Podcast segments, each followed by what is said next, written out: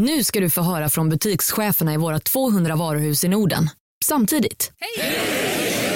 Hej! Tack.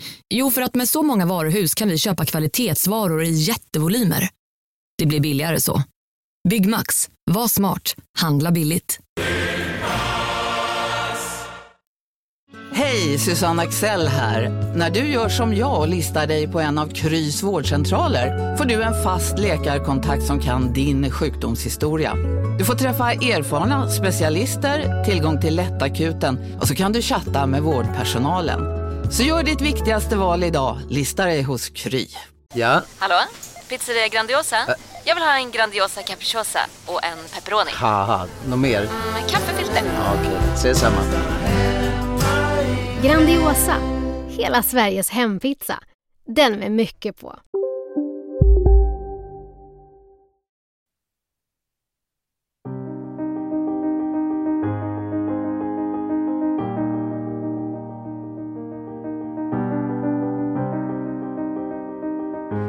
Då är vi tillbaka efter lite julledighet.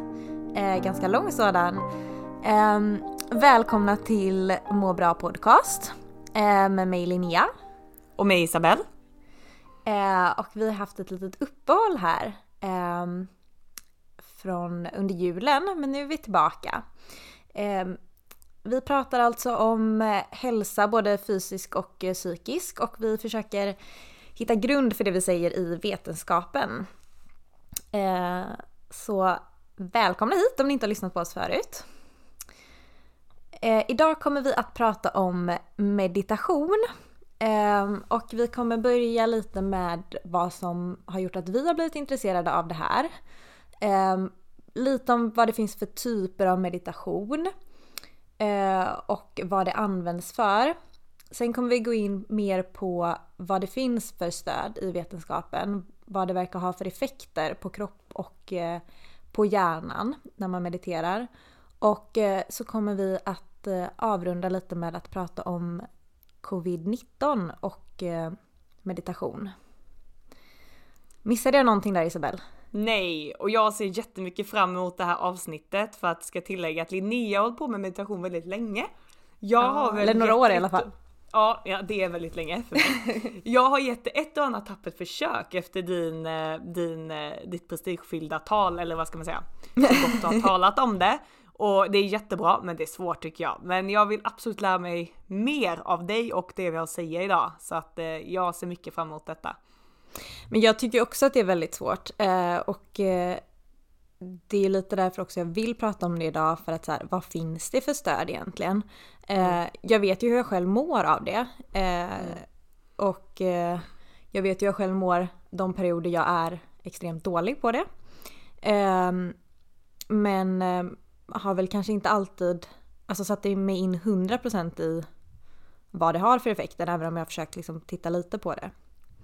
Eh, så Nej ja. men precis. Många tror, tänker att det är lite hokus pokus och det tänkte väl jag i början också men jag inser liksom från folk som gör det och berättar för mig hur de mår av det efter att ha läst på lite om det att alltså även om man kanske inte har kunnat mätt exakt i alla studier om det fungerar och hur det fungerar så obviously verkar det fungera på någon nivå. Mm.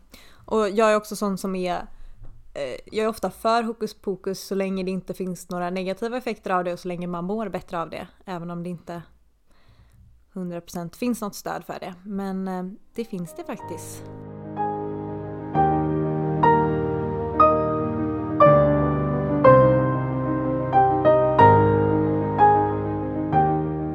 För vi har ju nämnt i tidigare avsnitt och så att vi båda har haft perioder när man har varit väldigt stressad, det har varit väldigt mycket med skola, jobb och allting.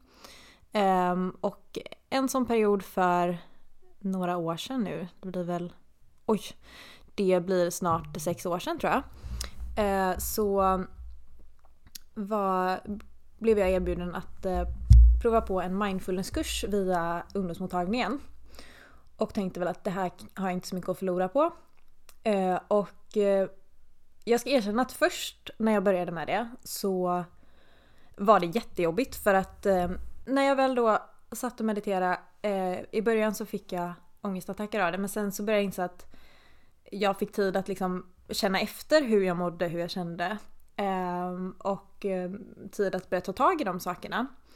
Eh, och började må allt bättre. Ehm, och sen var jag iväg på ett meditationsläger en vecka något år senare. Eh, och sen dess har jag väl försökt att meditera mer eller mindre regelbundet. Eh, och vissa perioder så är det eh, mer och vissa perioder är det mindre. Och oftast är det de perioderna när man egentligen behöver det som det tyvärr blir mindre. Um, så på den vägen har jag lite kommit in på det. Och, Men nu tycker du liksom nu efter några år, på vilket sätt har det hjälpt dig? Eller vad man ska säga. Vilka, alltså, vilka effekter har du fått? Jag har eh, lättare att stanna upp och liksom tänka efter. Eh, mm. Och eh, eh, framförallt liksom reflektera över vad jag behöver i mitt liv och min vardag. Mm. Um, och ofta under meditationen så är det, det är liksom då jag eh, låter de här, eller alltså lite undermedvetna tankar, nu låter det hokus pokus kanske, men lite så här undermedvetna tankar som man kanske aldrig riktigt ger plats för. Mm. Som egentligen mm. finns där men man aldrig riktigt tänker efter eller känner efter. Mm. Eh, de tycker jag ofta kommer fram när jag mediterar. Eh, och då kan jag liksom känna om jag har en period när jag det är någonting som gör att så här, det känns som att det är någonting som inte riktigt funkar men jag vet inte vad. Um, så kan det ofta komma fram under meditation att jag liksom mm.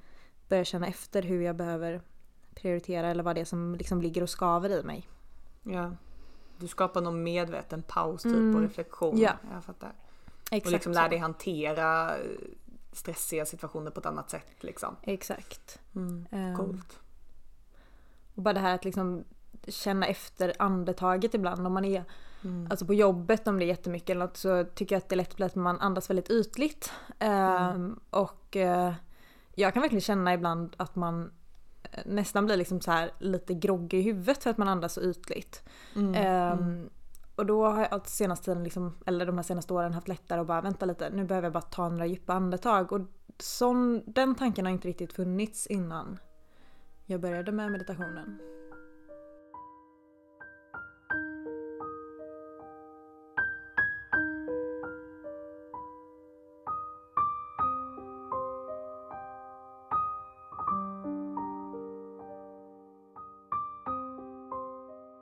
Och nu sitter säkert alla och tänker, men vad är det man, vad man gör? Mindfulness, vad ja. är det för någonting? Och, vad håller man på med? Vad håller man på med? Och eh, det är väl lite det som, alltså man, grej, det handlar väl egentligen mer om att man ska ha ett riktat fokus, alltså i nuet egentligen. För att det är väl så att man i vardagen typ har väldigt lätt att få, alltså tankarna bara snurra liksom. Du kan ha mycket negativa tankar, mycket jobbiga tankar. Men just att du tar dig den här tiden och du bara fokuserar på nuet och riktar ditt fokus på en grej. Oftast är det lite, man behöver liksom inte ha en speciell grej man bara ska tänka på, men många väljer då att bara fokusera på andningen. För att det är då man lite enklast kan liksom få de här snurrande tankarna att sluta snurra.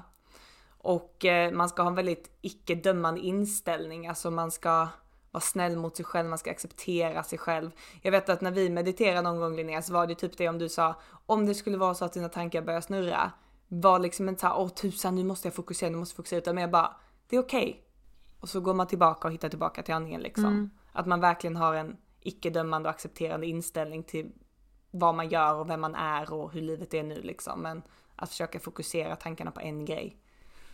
Ja, eh, och det är ju um lite olika, olika typer av meditation och olika läror kan man väl säga. Mm. Eh, nej men jag, eh, jag nämnde ju det lite för dig förut att eh, jag försökte rodda lite i vad de olika meditationerna handlar om. Ehm, men det är ofta inte bara liksom hur du sitter och mediterar utan det är liksom läran bakom det också. Ehm, där det är lite olika läror inom liksom det mer indiska ehm, meditationen och eh, yogakulturen och eh, buddhismen har lite andra grundprinciper. Ehm, men eh, gemensamt för de flesta är ju som du säger liksom andetaget, fokusera på andetaget. Ehm, och ehm, vipassana som jag har mer hållit på med är ju den typen att du ska fokusera på andetaget och sen notera liksom tankar och förnimmelser men bara låta dem finnas där och sen gå tillbaka till andetaget. Um, sen finns det ju också eh, uh, loving kindness som är mer, du ska liksom rikta uh, kärleksfull vänlighet kallar man det till uh, både sig själv, till andra, både personer man känner och inte känner eller kanske inte har någon relation till alls. bara för att liksom manifestera de här känslorna i kroppen. Ehm, och, den, och sen mindfulness som kanske är det vanligaste för att det är väldigt lättillgängligt i appar och så. Ehm, det handlar ofta dels om andetag men också att känna in sig själv, sina tankar, hur kroppen känns. Eh, och där ligger ofta mer fokus på hur kroppen känns ehm, än vid vanlig meditation. Ehm, och där kroppsskanning är en typ av mindfulness där du liksom går igenom hela din kropp och känner efter. Men gemensamt kan man väl säga att det är liksom andetaget ofta men det finns lite olika eh, principer ändå och ofta beror det på liksom läran bakom det hela. Och vad man vill liksom uppnå med det om man säger så. Ja, jag fattar. Ja, när jag läste på lite om detta som jag pratade om lite om innan också, det var ju att man tänker ju så mycket så här att eh, man, när man växer upp så får man inpräntat i skallen, alltså man säger i undermedvetna egentligen, hur man förväntas att vara som människa, hur man förväntas bli bemött av andra. Man bygger upp sin egna självkänsla och man bygger upp liksom en struktur, eh, hur man ska reagera på olika saker. Och mycket av ens liv styrs egentligen av det här undermedvetna, man brukar prata typ om alltså upp mot 97% eller någonting. Så att om något händer dig och hur du reagerar på det, det är oftast inte ditt ditt medvetna jag som väljer hur du ska reagera på det emotionellt eller liksom hur din handling blir utan det är oftast undermedvetna. Eh, och, då, och då blir det ju ändå att du hela tiden återupprepar ett visst mönster så är det ju de delarna i hjärnan, hjärnan som förstärks. För vi har pratat det lite om innan att du, om du gör en viss viss sak eller tänker på en viss sak, då är det vissa av delar i hjärnan som du skickar elektriska signaler och de områdena blir starkare. Likt om du tränar en specifik muskel i kroppen kan du tänka. Och, ehm, och det är just det de säger här att om du då exempelvis har en vana att du tänker väldigt negativt om dig själv eller du har en vana att stressa mycket, att man då genom eh, mindfulness då ska bli mer medveten med ett riktat fokus. Som du pratade lite om att det finns någon där man liksom ska rikta kärlek mot sig själv och mot andra. Och då blir du medveten om det och då kommer du träna den delen av hjärnan istället om man tänker en annan muskel då. Och genom att göra det medvetet då så kommer det liksom kommer du börja träna upp den och de andra liksom, vad ska man säga, connections i de andra hjärnorna kommer bli mindre och då så kommer det liksom leva det igenom att du om du då stöter på en annan emotionell eller någonting i livet som kanske är emotionellt jobbigt kan vi säga, du kommer fortfarande känna av att det är emotionellt jobbigt men du kommer kunna hantera det bättre och du kommer återhämta dig snabbare. Precis. Och det tycker jag är väldigt mm. coolt uh, faktiskt. Det är det. Det är, ja, det är väldigt coolt. Uh, och alltså jag blir alltid fascinerad av hur kropp och hjärna fungerar. Ja, och allt det här, det här, det vi pratar om, det låter kanske lite flummigt, lite så här, hmm, och det är mycket teorier hur man tänker sig att det är, men det är lite så det här området mm. är. Kommer komma till lite mer vetenskapliga belägg för vad man faktiskt har sett. Um, men man kan ju säga då att det man använder mindfulness mycket till idag inom vården är ju framförallt, det är ju kronisk smärta har det visat sig att funka rätt bra på. På stress, nedstämdhet, ångest och sömnproblem. Eh, och allt det här, det finns liksom inga 100% vetenskapliga belägg på att det funkar, men man kan säga att det tyder, trend, alltså tyder ändå på att det funkar och många mår väldigt bra av det och upplever att det fungerar väldigt bra. Sen görs det även undersökningar eh, på om det faktiskt skulle funka just mot drogberoende och ätstörningar och även om det skulle kunna hjälpa att hantera de psykiska besvären vid olika cancersjukdomar.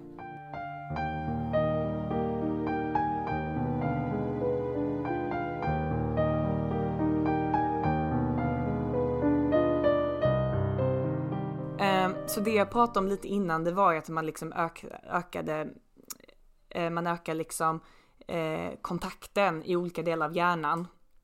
Eh, och det gör man då, det har man sett bland annat då att eh, amygdala som är den delen för stress och ångest, den eh, minskar och mindre påslagen. Och man har även sett att den främre delen av hjärnan, prefrontalkortex, som vi har pratat innan om, som står mycket för logik och moralen, den får en starkare eh, connection mellan nervcellerna. Så man kan säga att man tränar den främre delen av hjärnan som är bra och man har då lite mindre aktivitet i den här amygdala-kärnan då. Och därför då har man sett att människor som mediterar, de blir mer kreativa, de blir lugnare och de får en bättre koncentration. Mm. Um, jag har tittat på lite andra studier också uh, som är lite inne på samma uh, som du uh, pratar om. Um, där man har tittat på liksom hur gurificering, om man uttalar det så, gurification på engelska.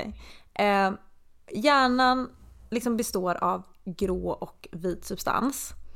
Eh, den gråa substansen är nervcellskropparna och det är liksom där Eh, informationen bearbetas och lagras. Ehm, jag hittade en bra jämförelse där man jämförde den med kontroll och beräknings och minnesenheten i en dator. Ehm, och eh, dels så utgör den gråa substansen eh, kärnor i hjärnan som vi varit inne och pratat om lite i tidigare avsnitt. Ehm, och dels så är det liksom den yttre delen av hjärnan. Som kallas oftast ja, storhjärnan, liksom, men den yttre delen med de här fårorna som man kan se om man ser en typisk hjärna framför sig. Eh, och sen så finns det också vit substans Eh, och vit substans är nervtrådarna. Eh, och vi har nämnt i något tidigare avsnitt att de liksom kan omges av myelin som är liksom ja, fettskena runt om så att signalerna ska gå snabbare. Eh, och den vita substansen har framförallt som eh, eh, liksom funktion att den förmedlar information mellan liksom den gråa substansen där informationen då lagras. Eh, och yttre delen av hjärnan som jag sa är liksom veckad och de här vecken kallas för gyri. Eh, och desto mer utvecklad en hjärna är desto fler gyrus blir det väl i plural. Eller tvärtom, det är gyri i plural och gyrus i singular. Väl. Eh, ja men desto mer utvecklad den är i alla fall desto mer veck har den. Ehm, och här tycker jag att det också finns lite intressanta studier och um, tyvärr så är det så med just meditation och eh, hjärnan och kroppen. Det finns inte jättemånga studier och de studier som är gjorda har ofta inte jättestora grupper eller inte så många individer med. Så att det är ofta svårt att stå, dra några jättestora... Om en yogamatta är på väg till dig som gör att du för första gången hittar ditt inre lugn, ett lugn du inte trodde fanns, som gör att du blir en trevligare partner, en bättre bilförare, en bättre kock du blir befordrad på jobbet men tackar nej. För att du inte längre drivs av prestation utan vill göra saker som känns meningsfulla i livet. Och, ja, eller ja, då finns det flera smarta sätt att beställa hem din yogamatta på. Som till våra paketboxar placerade på en plats nära dig och tillgängliga dygnet runt. Hälsningar Postnord.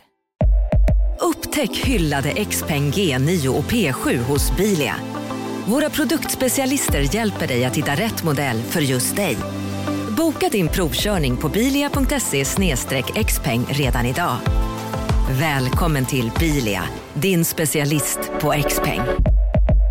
Välkommen till Unionen. Jo, jag undrar hur många semesterdagar jag har som projektanställd och vad gör jag om jag inte får något semestertillägg? Påverkar det inkomstförsäkringen? För jag har blivit varslad, till skillnad från min kollega som ofta kör teknik på möten och dessutom har högre lön trots samma tjänst. Vad gör jag nu? Okej, vi tar det från början. Jobbigt på jobbet. Som medlem i Unionen kan du alltid prata med våra rådgivare.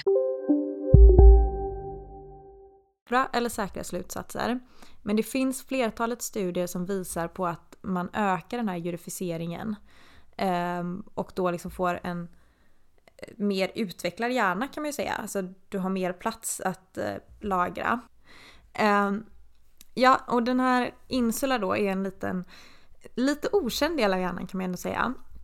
Ehm, men man brukar säga att här finns liksom kroppsuppfattning och eh, sensationer, alltså känslor från liksom inre organ och balansorgan och smärtförnimmelser. och eh, andra delar i hjärnan som verkar vara liksom ökat i jurificering eh, är något som kallas för central, eller främre centralvindlingen. Eh, och eh, därifrån liksom utgår vår viljestyrda motorik. Eh, så sammantaget tänker jag att det handlar lite om att man verkar se en eh, positiv effekt på de delar som handlar om, eller som bearbetar just vår uppfattning om kroppen och eh, vår liksom motorik som vi styr själva. Um, och hjärnsubstansen, den gråa hjärnsubstansen, den minskar i storlek med åldern helt naturligt. Eh, något som kallas för atrofiering. Eh, och där finns det också några studier, den är tyvärr inte särskilt stor, så jag vet inte hur, mycket stora, eller hur stora slutsatser man kan dra från den. Eh, men där har man liksom kunnat se att den här minskningen eh, går långsammare hos de som mediterar. Eh, så att du liksom behåller din yngre hjärna om man säger så, eh, en längre tid. Sluta med anti-age-cramerna, börja med mindfulness. exakt, exakt. Jag vet inte om det har någon effekt på huden men på hjärnan i alla fall. Nej jag vet men jag... ja du Ehm, fattar vad jag menar. ja, jag fattar vad du menar. Fast är det inte Eh, också att munkar brukar se väldigt så här Jo. Alltså ändå fräsch hy Ja, liksom. faktiskt. Men jag tänker att det handlar kanske inte bara om den biten. Ofta så här, Nej. lever du efter en läran så har du ofta en väldigt speciell liksom, håll, ja, eh, Ingen västerländsk förhåll- kultur riktigt med Nej, party och eh, fet Exakt. mat och så vidare. Du förhåller dig väldigt träning. speciellt till mat, ofta ett mål mat om dagen och Mm. eh, går upp tidigt och sådär. Så det finns ju väldigt mycket i hur du liksom lever också som säkert påverkar och inte bara Mm. meditationen. Eh,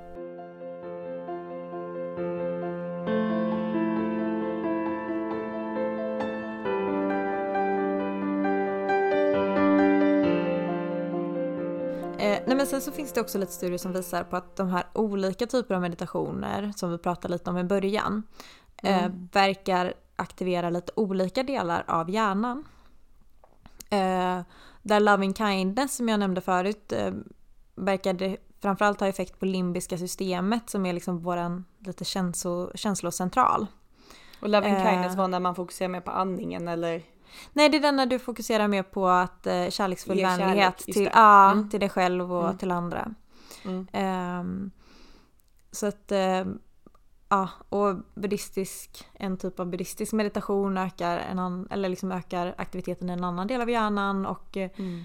vipassana, transcendental eh, meditation och mindfulness eh, verkar aktivera delar av vår hjärna som påverkar exekutiva funktioner och planering eh, och impulskontroll. Eh, Mm. Som är mer där frontalt som du var inne på förut. Mm. Eh, Spännande tycker jag. Ja, jag tycker hjärnan och- är spännande. Precis, och det finns ändå som sagt, många av de här studierna är ganska små. Eh, men det finns ändå ganska många som visar på de här effekterna. Och eh, nu tog jag inte, skrev jag inte ner eh, så tydligt men eh, olika typer av meditation verkar också påverka hjärnan så att man eh, utsöndrar, liksom, man kan mäta olika typer av hjärnvågor. Och det tror jag inte man riktigt vet vad det står för men det är ändå väldigt intressant tycker jag bara att så här, Mm. man kan ändå mäta eh, att det verkar förekomma någon typ av förändring i hjärnan. Precis. Även om vi inte vet riktigt vad den står för. Precis. Spännande! Tänk så här om kanske tio år, där så här, det är helt självklart exakt vad mindfulness gör och det används jättemycket och det är liksom inte ens ifrågasätts liksom. Så kan det ju verkligen vara och här sitter vi idag och bara häftigt. jag vet inte vad det står för, vet inte vad det gör. Nej men precis, ja.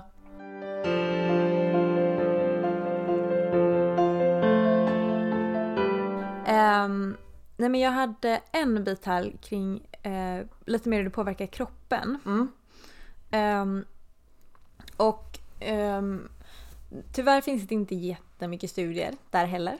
Ehm, och jag nämnde ju det för dig förut också att om man tittar på vetenskapliga artiklar och meditation så är det ju en jättebrant ökning egentligen bara senaste året. Ehm, så att man hoppas ju på att det ska komma ännu mer. Mm.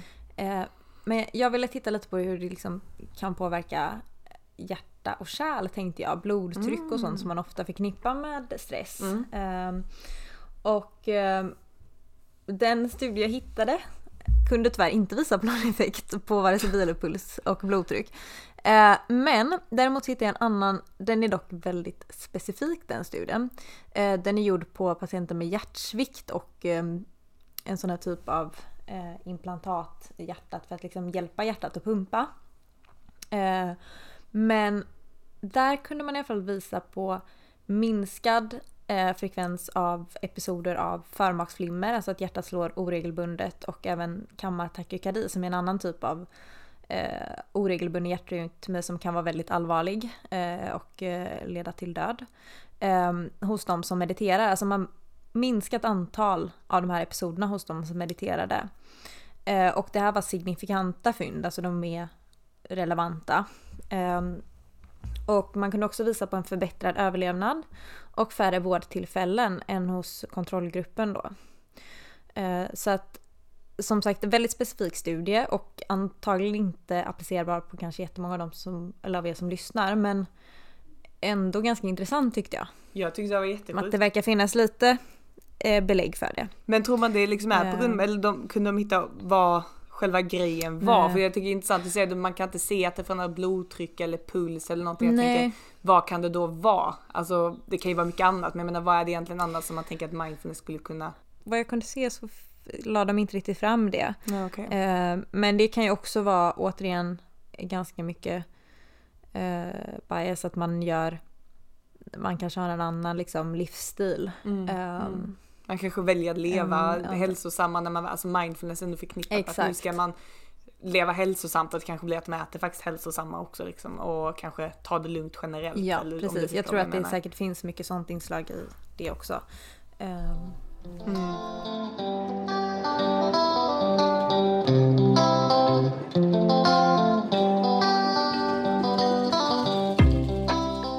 Då tänkte jag gå in på eh, den sista biten som jag hade tittat på.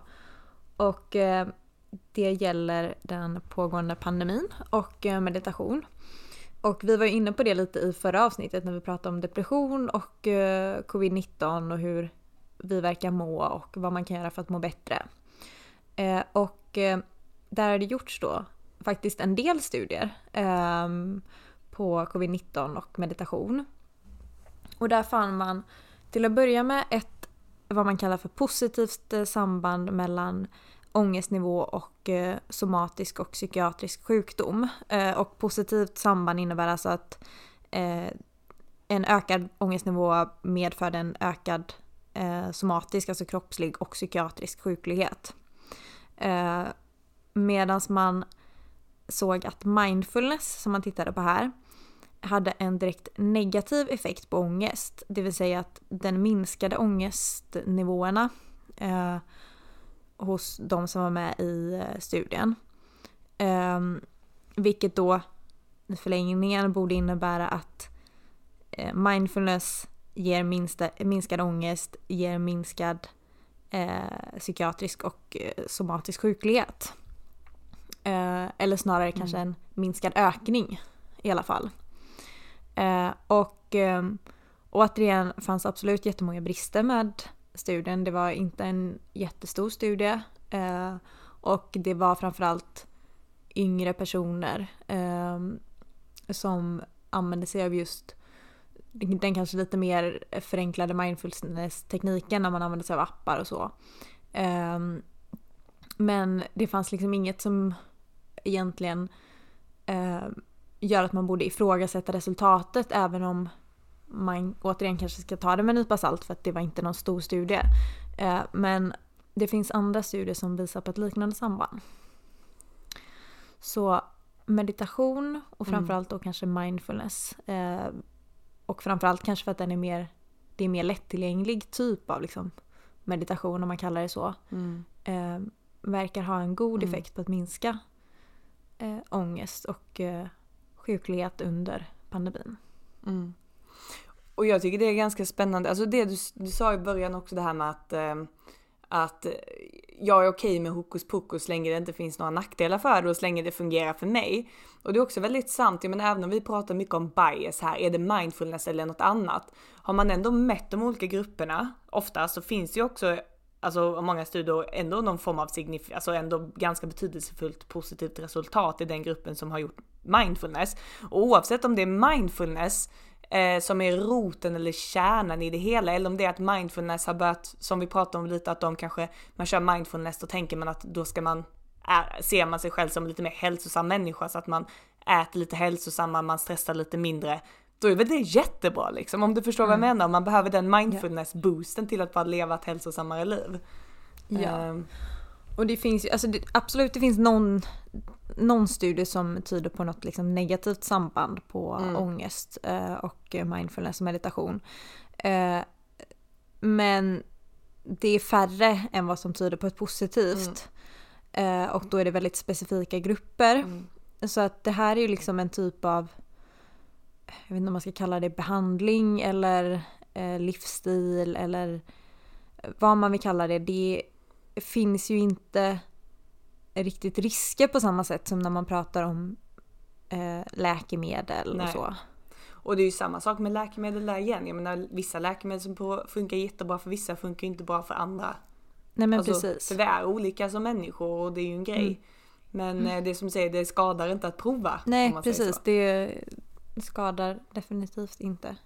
Så om du vill avsluta med ett tips här nu, hur, om man vill börja med mindfulness, vad tycker du man ska göra? Eh, är det någon app? Hur länge? Ja, jag tycker eh, nog att det bästa är att man börjar kanske med just mindfulness och inte vanlig typ av meditation. Eh, det tyckte i alla fall jag var mm. lättaste mm. vägen. Eh, för ofta vid mindfulness kanske du har en någon guidad typ av mindfulness. Um, för att mm. det är svårare att sväva iväg i tankarna om du har någon som pratar till dig och säger till vad du ska fokusera på. Eh, om det är andning eller kroppen. Mm. Um, och att man sen kanske går över lite mer på någon typ av meditation. Um, och mm. vill man gå direkt på eller gå över till mer liksom meditation där man kanske fokuserar mer på andning eh, och inte har någon guidning. Eh, då tycker jag att man kanske ska läsa lite om det innan så man kan hitta det här verkar funka för mig eller det här verkar inte funka för mig. Jag tycker mm. att bäst för mig är det som jag har liksom lärt mig via meditationslägret och det är antingen att fokusera på andningen som att jag lägger fokus på näsa, hals, eh, luftstrupe, lungor och sen lungor, luftstrupe, eh, hals, näsa. Liksom följer andetaget genom fyra punkter. Så jag tänker på de här fyra punkterna medan jag andas. Alternativt att jag räknar andetaget mm. eh, liksom sekunder in och ut och försöker förlänga lite hela tiden. Eh, men mm. det kan ofta vara bra att kolla upp lite olika typer för att jag tror att alla har olika vad som fungerar bäst för dem. Eh, men jag tror lättast är att börja med någon mm. typ av guidad mindfulness. Och börja kort. Alltså mm. tänk inte att du ska sätta dig en timme eller en halvtimme första gången. Um, kanske börja tio minuter typ första gången för att liksom känna på det lite. Men sen tror jag att fem minuter är ganska bra i början för att liksom komma in i det utan att känna en stress över det. Eh, och sen ett snabbt bara kanske konkret tips också. Eh, jag tycker att det finns eh, många olika, eller det finns jättemånga olika appar för eh, meditation och mindfulness. Eh, det finns en blå och en grön som heter Mindfulness 1 och 2. Eh, de tycker jag är väldigt bra och Calm-appen. Calm. Calm. Gud vad jag är dålig på att prata engelska när jag pratar svenska. Calm, tack. um, den tycker jag är väldigt bra för att om man vill meditera med lite typ ljud i bakgrunden. Uh, så här från havet eller från skogen. Uh, så kan man sätta på det med att man har en tyst meditation. Och det tycker mm. jag kan vara väldigt skönt ibland. Och sen tänker jag att uh, jag kommer eh, strax efter det här avsnittet är släppt eh, köra en liten kanske eh, film, instruktionsfilm på hur jag mediterar i alla fall.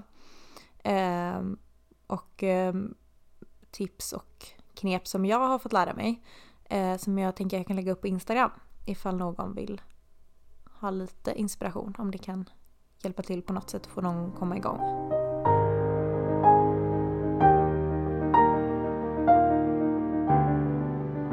Tusen tack för att du har lyssnat på oss idag. Om du har tankar eller synpunkter kring det vi har sagt idag eller tips eh, på något som du vill att vi ska prata om eh, framöver eh, så är vi öppna för all typ av feedback, kritik eller vad du vill kalla det och du når oss lättast på vår mailadress den är mabrapodcast@gmail.com, alltså må bra podcast men utan den lilla pricken över ået. Eh, vi hoppas verkligen att du eh, är med oss även nästa avsnitt. Och eh, fram tills dess så ta hand om dig, eh, må bra och glöm inte av att andas. Puss och kram!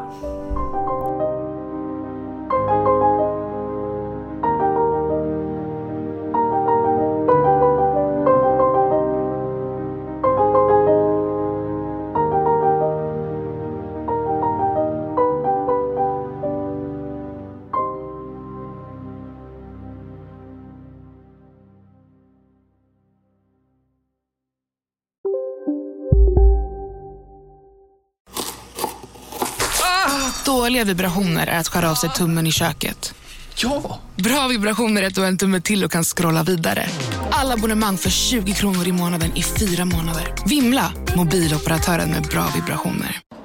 Kolla menyn. Vadå? Kan det stämma? 12 köttbullar med mos för 32 spänn. Mm. Otroligt! Då får det bli efterrätt också. Lätt! Onsdagar är happy days på IKEA. Fram till 31 maj äter du som är eller blir IKEA Family-medlem alla varmrätter till halva priset. Vi ses i restaurangen på IKEA. En nyhet. Nu kan du teckna livförsäkring hos Trygg-Hansa. Den ger dina nära ersättning som kan användas på det sätt som hjälper bäst. En försäkring för dig och till de som älskar dig. Läs mer och teckna på trygghansa.se. Trygg Hansa. Trygghet för livet.